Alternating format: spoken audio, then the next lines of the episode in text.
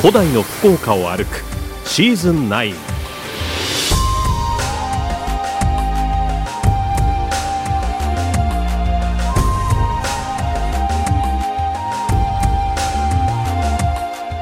遥かな昔海の道からそして陸路を通じて福岡にはさまざまな文化が入ってきました。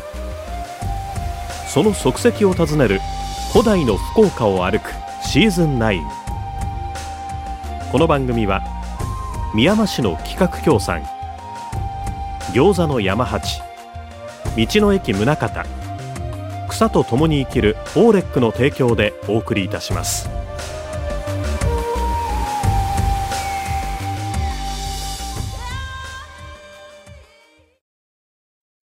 こんばんは坂田修大です。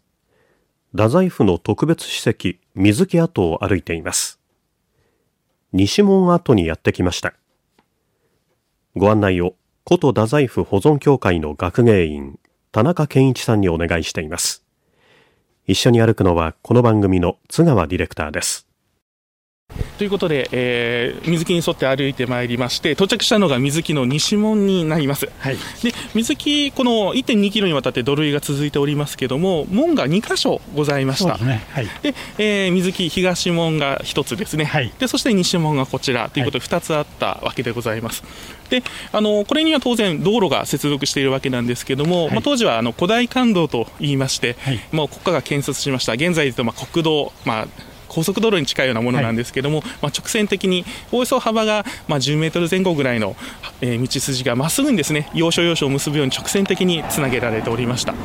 でこちらの西門の方につな、えー、がっていた道路がどこと結ばれていたかといいますと実は北側は現在、えー、福岡城があります。かつてあの平和大球場がありました、はい、後から見つかりました航路館。いわゆる、えー、太宰府の外交機関の出先機関もう最前線ですね、港に近いところにありました。この外国施設が滞在して、まあ、受付などをする、まあ、航路館、まあ、ここからですね一直線にまっすぐと、えー、この水木の西門へ向かって道路が伸びていたようなんです。はい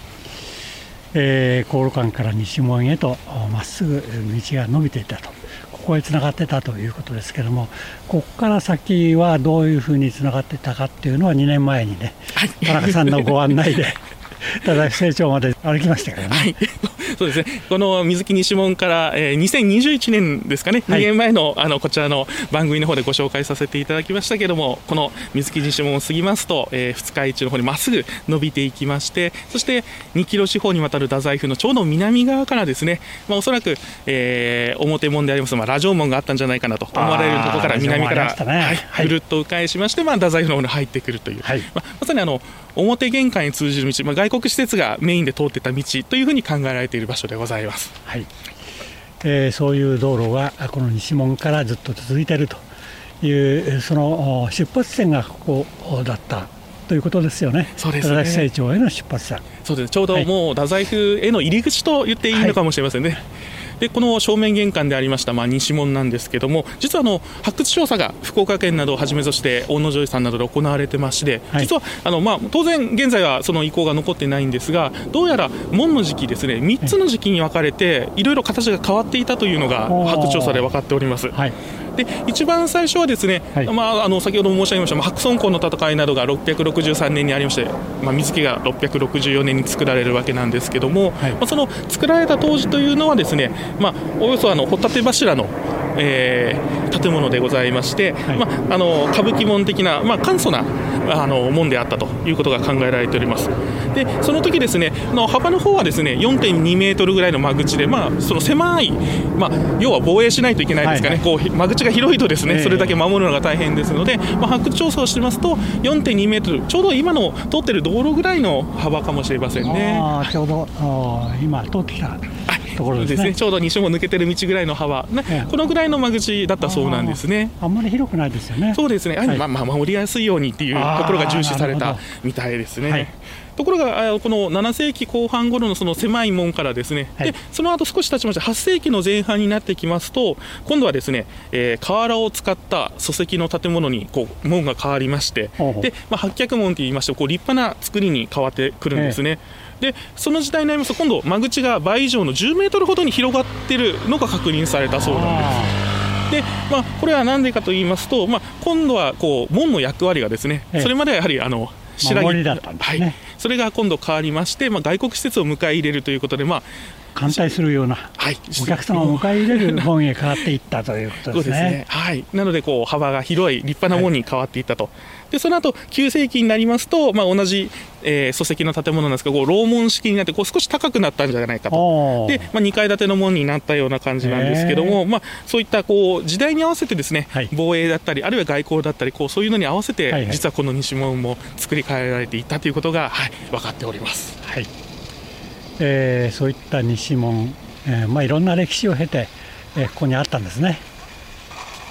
さてあのこの西門にですね、はい、使われていたんじゃないかなと言われます礎石門の礎石というのが実はこの南側に残っていますので、そこともう一つご紹介してちょっと、えー南側も合わせてご紹介したいと思います、はい、えー、ではここ西門へはですね、えー、JR の水木という駅からですね歩いて10分ぐらいで来れますよね。そうですね。あの、駅が大変近い場所にありますので。はい。はい、そしてこの門を出まして、えー、今ちょうどこう出たぐらいのところですね。ここに礎石があったということですか。はい。これでですね、あのまだまだちょっと検討の課題は残ってるんですけども、はい、どうやらまあこの西門で使われていたんじゃないかなという礎石が実は西門の方を少し太宰府市側に抜けます。と。およそ50メートルほどでしょうか、あそうですね、左側のこちらの方に道路の脇の高台の方にちょっと、はい。えー、大きな石がありますね、えー、幅そうですね。1メーターぐらい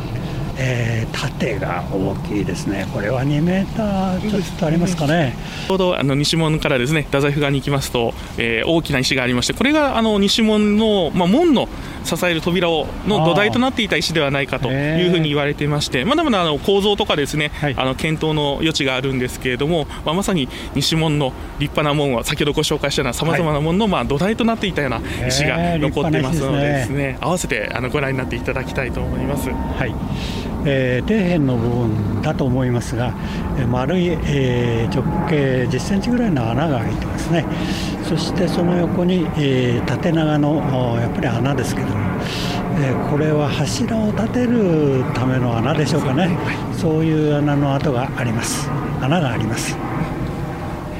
ということでせっかくですね水木の、えー、西門の、まあ、南側太宰市側に来たんでですね、はい、まあ、こちらからちょっと振り返っていただくと西門、えーまあ、水木の土塁がさらに続いていってるんですけども、えー、この西門の、えー、東部分ですねすぐ門に隣接したところからは、はい、実はですね、はい、12世紀の京塚も見つかってるわけなんです。ですですので、まあもともとの防衛施設ですけども、まあええ。えー、12世紀頃になると、まあ、京塚として、えー、利用もされていたそうなんですね。あそうですか、はい、でここの土塁の上からですね京塚の方が3つ見つかっておりまして、はい、でうち1つはですねあの洞窟にもあってなくてあの埋葬品なんかもきちっと出てきたそうでして、まあ、青銅製の鏡筒をはじめとしまして、まあ、その装飾具ですね、はい、あるいは金属とかガラス製品、あるいはあの担当なんかも出てきておりまして、まああのー、今まであの保養施設であったりお寺であったりっていうんですけども、まあ、12世紀には、まあ、いわゆる信仰の中での京塚を作るような場所、まあ、そういう場所としても水木は用いられていたということで、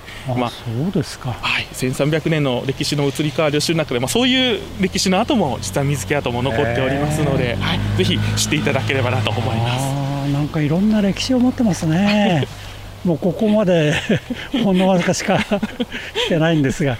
まあ、いろんな歴史が埋まってるという感じがしますね。いやそうですね、もう1350年の間にいろんなことがぎっしり実は詰まってる、はい、それがもう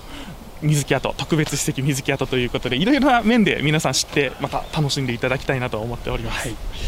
えー、今西門に来てます。この西門からさらに、えー、いろんな歴史が現れるんじゃないかと思います。歩きます。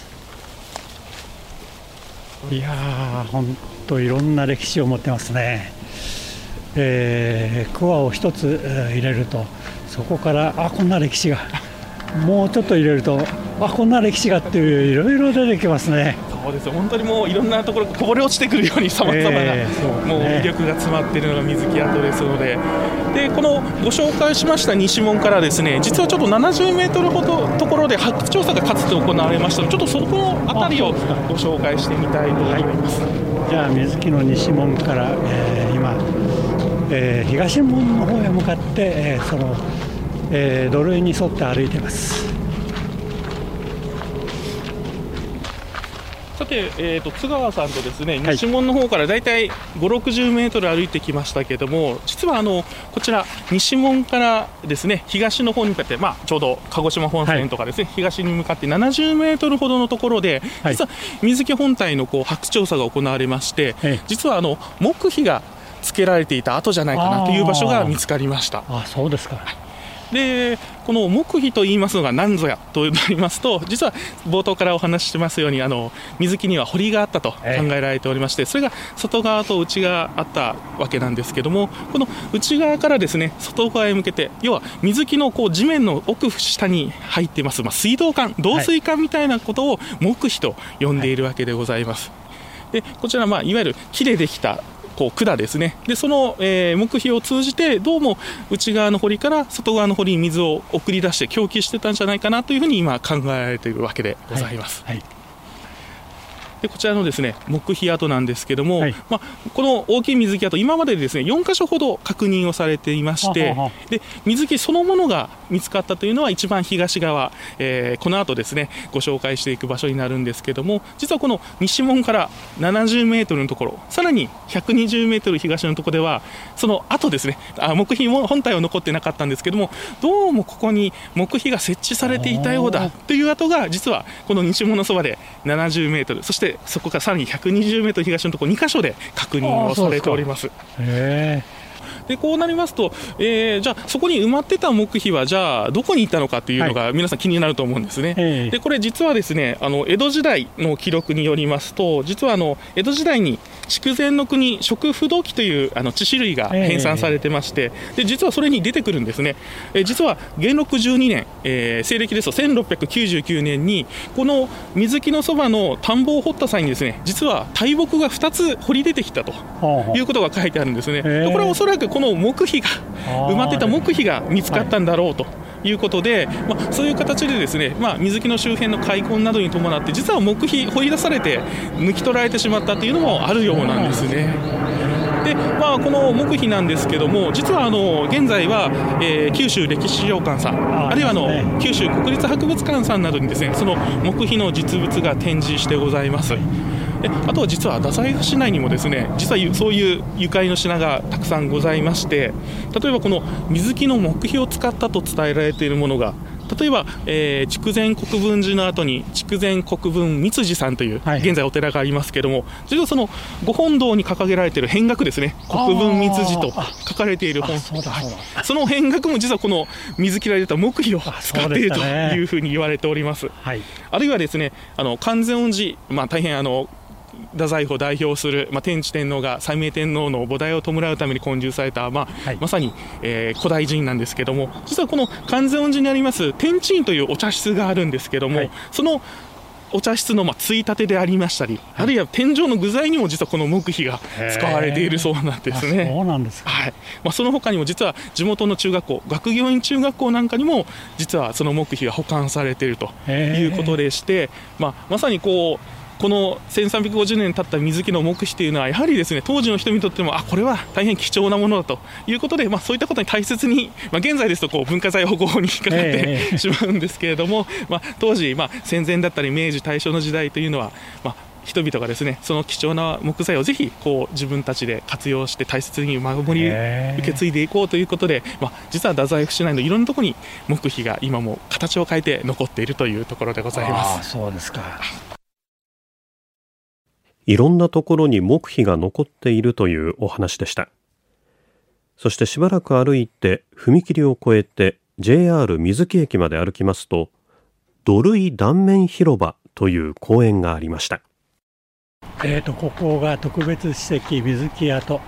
土塁断面広場というところですね。はい。えーまあ、今回ご紹介してますように664年に使えた水木。当然ですね作られた当時、まあ、もちろん JR も走ってもおりませんので、本来であれば土塁は延々とつながっていたわけなんですね、ね。ところが、まあ、やはりあの明治に入りまして明治22年に、えー、博多と久留米を結びます、まあ、当時の九州鉄道が開通しましたので、はい、まあ、その時は単線で線路が1本で開通しましてその時にですね、まあ、やはり、えー、近代国会の、えー、こう進化ですねこう発展しないといけないということで、まあ、残念ながらこの水木はですねその一部分がこう削り取られてしまって JR が今の JR が通ったわけなんですけれども、はい、で、はい、実はその後ですね今度は、えー、複線化工事が行われました、はい、線路が単線だったのが、まあ、輸送力増強のために2本目があの引かれたわけなんですけども、まあ、さらに水気宿が削られてしまったわけなんですね。で実はその時、えー、1913年にその複線化工事が行われて水気がさらに削られてしまったんですけども実はその時にあのスケッチをした方がいらっしゃいまして、はい、で当時あの東京帝国大学に黒板克美先生という大変あの歴史の先生がいらっしゃったんですが、まあ、その先生が水木が削られるということで視察に来られまして、ええ、で実は先生に随行してですね美術学校の卒業生で絵がうまい方があの随行されていたそうなんです。ででその時にですねこう、え当時削られている水着の断面をスケッチされまして、ええ、まあ、それが貴重な当時の記録として今は現在もですね水着の断面がどうであったのかとこうこう知る手がかりの一つになっているわけなんですね。そうですかはい、はい、でさらにですねこの水着跡なんですけれども、まあ、あのさらに調査をしようということで、まあ、平成27年から29年にかけて調査を行いまして、まあ、あの現在の発掘技術でどのような形かというのを正確な技術で発掘調査を行いました。でこの土塁の断面ですね、はい、でこの水木なんですけども、えー、2つ大きな築造技術がございまして、はい、で1つがこれから見てます半築というものでございます。はい、で半築と言いますがあの分かりやすく言いますとこう種類の違う砂をですね、はい、例えば10センチ程度ずつこう重ねてで突き固めてこう交互に引いていくことによって強固なこう地盤をですねこう硬さを保たせるという工法でございまして、はい、まあ、水木は非常にその大変手間がかかるんですが、えー、砂を引いてで10センチ引いたこの粘土を引いてという形でこう突き固めていますので、まあ、1350年、えー、今も形を保っているわけでございます。はい、えー、それが半築という技術で技術ですね、はい、でこの半築えー、断面ですね、こうバッサリ、例えば土を横に切りますと、まあ、今で言ったあのケーキのミルフィーユのように、こう層が見えるわけなんですね。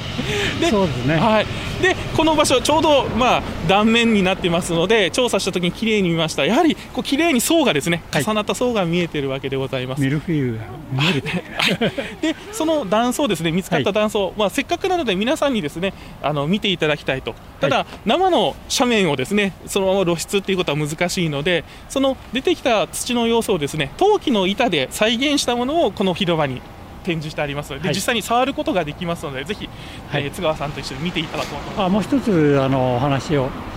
えーと、今半築という、お話があったんですがもう一つの技術はどういう技術ですか、はい、でもう一つがですね今度はですね、えー、半築が地面から上ですねこう重ねていく技術ですけれども、こう色素田の場合はですね逆に、はい、色素田という工法、まあ、ソダ、えー、樹木の木や葉っぱですね。そういったものを、あの地面の下に埋めて、まあ、はい、この水木、真ん中に三笠川が通ってますので、どうしてもあの水はけ水はけがなかなか厳しくて、ね、地盤がですね厳しいものですので、はい、まず水木を作る前にですね、はい、その緩い地盤の上にこの木の枝なんかを敷き詰めまして、まあ、その上にこう地盤を整えまして土を積み重ねていくという、でこの一番下にあの木々を敷いて地盤を固める方法を、まあ、色素田工法というふうに、えー、伝えあの言っております。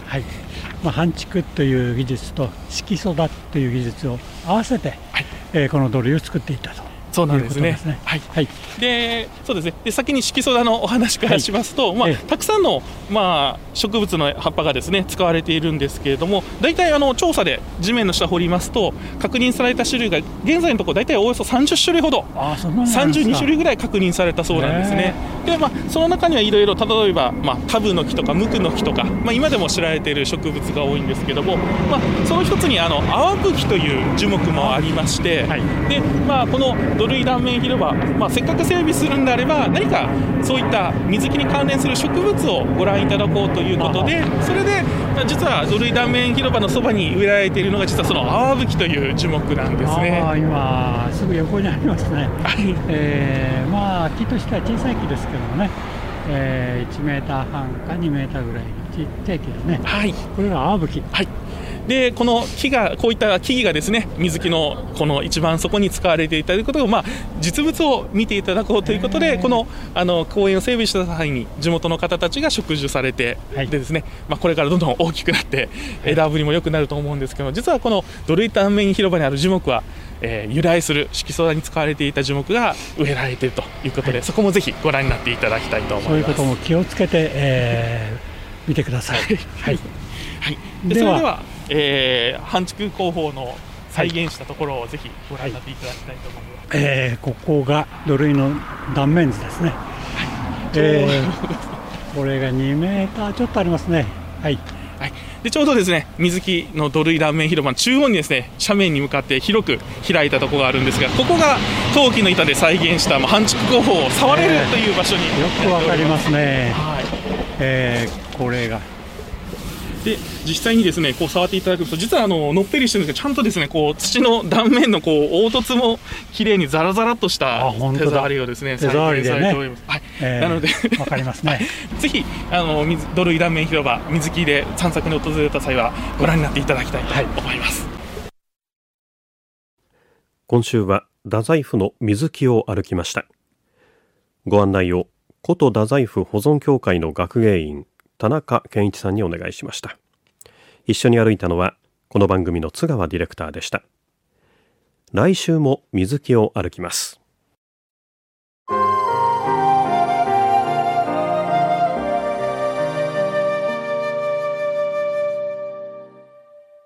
ここで古代の福岡を歩くリポーターの中島理恵さんです。こんばんは。こんばんは。今日は宗像エリアで季節ごとに行われてます。宗像地魚茶漬け祭り。知ってます。季節ごとにあのいろんな地魚をいろんなお店がね提供するんですよね。その通りです。本当に好きなんですね坂田さん。美味しいですよね。この冬は、はい、寒ぶりです。寒ぶりいいですね。えー、1月15日月曜日から始まって2月29日の木曜日月末でまで行われるんですが、宗像エリアの14のお店が参加してます。はい、この油が乗った寒ぶりのお刺身を特製のタレに漬け込んだ、まあ、宗像の郷土料理でもあるんですが、えー、これをね、えー、いろんなお店、いろんなタレで出してるんですが、道の駅宗像ではですね、冷凍パックでお土産として提供してるんですよ。ほういいでしょう。これはもう解凍して乗せて。ピンポーン。ああ、簡単でいいですね。そうなんですよ。道の駅宗方営業部係長の伊藤美幸さんに話を聞いてきました。実は私ずっとこの茶漬けについて疑問を持ってまして、タレに使った段階から、あの魚たちのことを茶漬けって呼んでるんですよね。ご飯に乗せる前から茶漬けなんです。で、さらにお茶をかける前から茶漬けなんです。ええ、一体なぜなんでしょうか？あの、私の母とかもそうなんですけど、魚のほら、切り身、あの、刺身用の切り身が余る、余るじゃないですか。そしたら、茶漬けにしとこうって言いますもんね。タレにつけとこうじゃなくて、うん。お茶かける前から茶漬けって言ってるのが、はい、なんだろうこれと思ってたんですよ。そのタレに漬け込むことを、なんかこっちの方では茶漬けって言うんですよね。そう、私もなんかずっとそれで育ってきてるんで、で、なんかお客様に、ちょっとこれ刺身の量が多いかもしれん、みたいな感じで、な、な、あの、あの、これ多いですよね、みたいなことを、魚、丸魚売ってって言うじゃないですか。お客様、あと刺身残ったら茶漬けにしとってください、みたいな感じで、時々、ポカンってちょっと、何って感じで、漬けにしとってください、みたいな感じで、ちょっと言い直したりするんですが、はい、あ。ああみたいな、はい、あ、やっぱりそういうふうに言ってるんですね地元でね。だから多分その宗像以外の人で言うと漬けとかタレ漬けっていうものが、宗像では茶漬けってなるんですよ。うん、この宗像の茶漬けについてさらにこんな話も聞かせてくれました。茶漬けも宗像では多分あのなんて郷土料理みたいなのの中にあると思うんですが。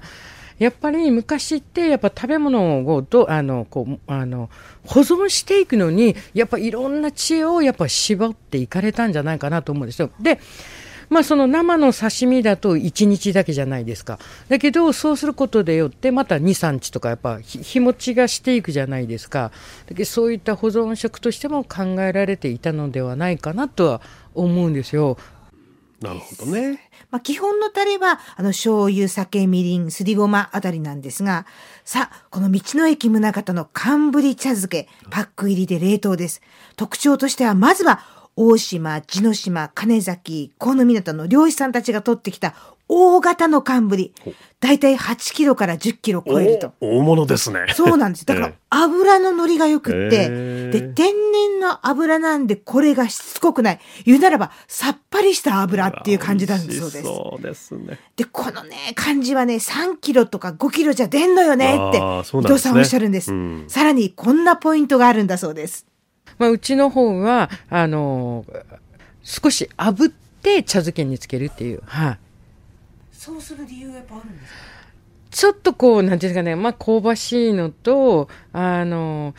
やっぱりちょっと、炙ると一味変わる、うんみたいな感じ。なんですって。そうなんですね気になるでしょ、ええあとね、あの、表面に必ずの塩をパーッと振るそうなんですが、道の駅宗方の寒ぶり茶漬けは、一回焼いた塩を使う？あ、塩も焼いてる。そうすると、こいい味になるよねっておっしゃる。もう食べないとわかんないんですが、へーこれね、1パック 100g 入りで販売するんですよ。はい。100g ってちょっと多いと思いません？あそうですね。100こういう理由があるんですわ。最初ちょっとお茶をかけずにちょっとご飯の上に乗せて、まあ一口二口食べていただいて、その後またその、あの、あとはまた、あの、あまりの残ったのを、あの、ご飯の上に乗せてお茶をかけて食べる、まあだし汁とかでもいいんですが、はい、おの狙いがあるんですよ。まあ、一袋で二度美味しいです。なるほどね。存分に味わって。そうなんですよ。もらおうまあ、伊藤さん、あの、まあ、高級なお茶じゃなくてもいいけど、ご自身はいつも飲んでるお茶よりちょっといいお茶、あの、お客さん用のお茶みたいなのをかけて食べるのがすごい好きっておっしゃってて。あとまあ、薬味的には基本的にはネギとかかなとおっしゃってましたが、人によってあの、生姜を刻んだものを入れる人もいるらしくって。自分なりにいろいろ工夫して味変えて楽しめるのがいいです。宗方地魚茶漬け祭り、寒ぶり茶漬け、食べ損ねないようにしてください。中島理恵さんでした。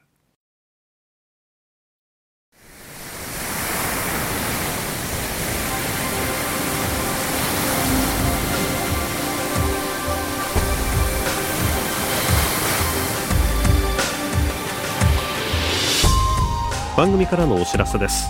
ホームページのご案内です。これまでの放送内容と番組を1回目からじっくり楽しむことができます。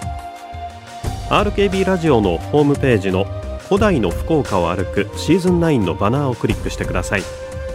また Apple、Google、Spotify、Amazon、YouTube など各ポッドキャストでもお楽しみいただけます。この番組は宮間市の企画協賛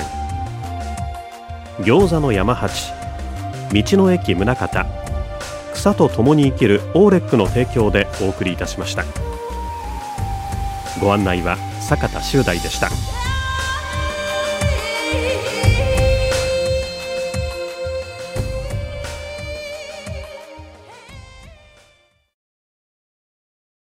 ここで Google ポッドキャストをご利用の方へお知らせです。Google ポッドキャストは2024年6月23日をもってサービスを終了します。引き続きこの番組をお楽しみいただくには、ラジコ、Apple ポッドキャスト、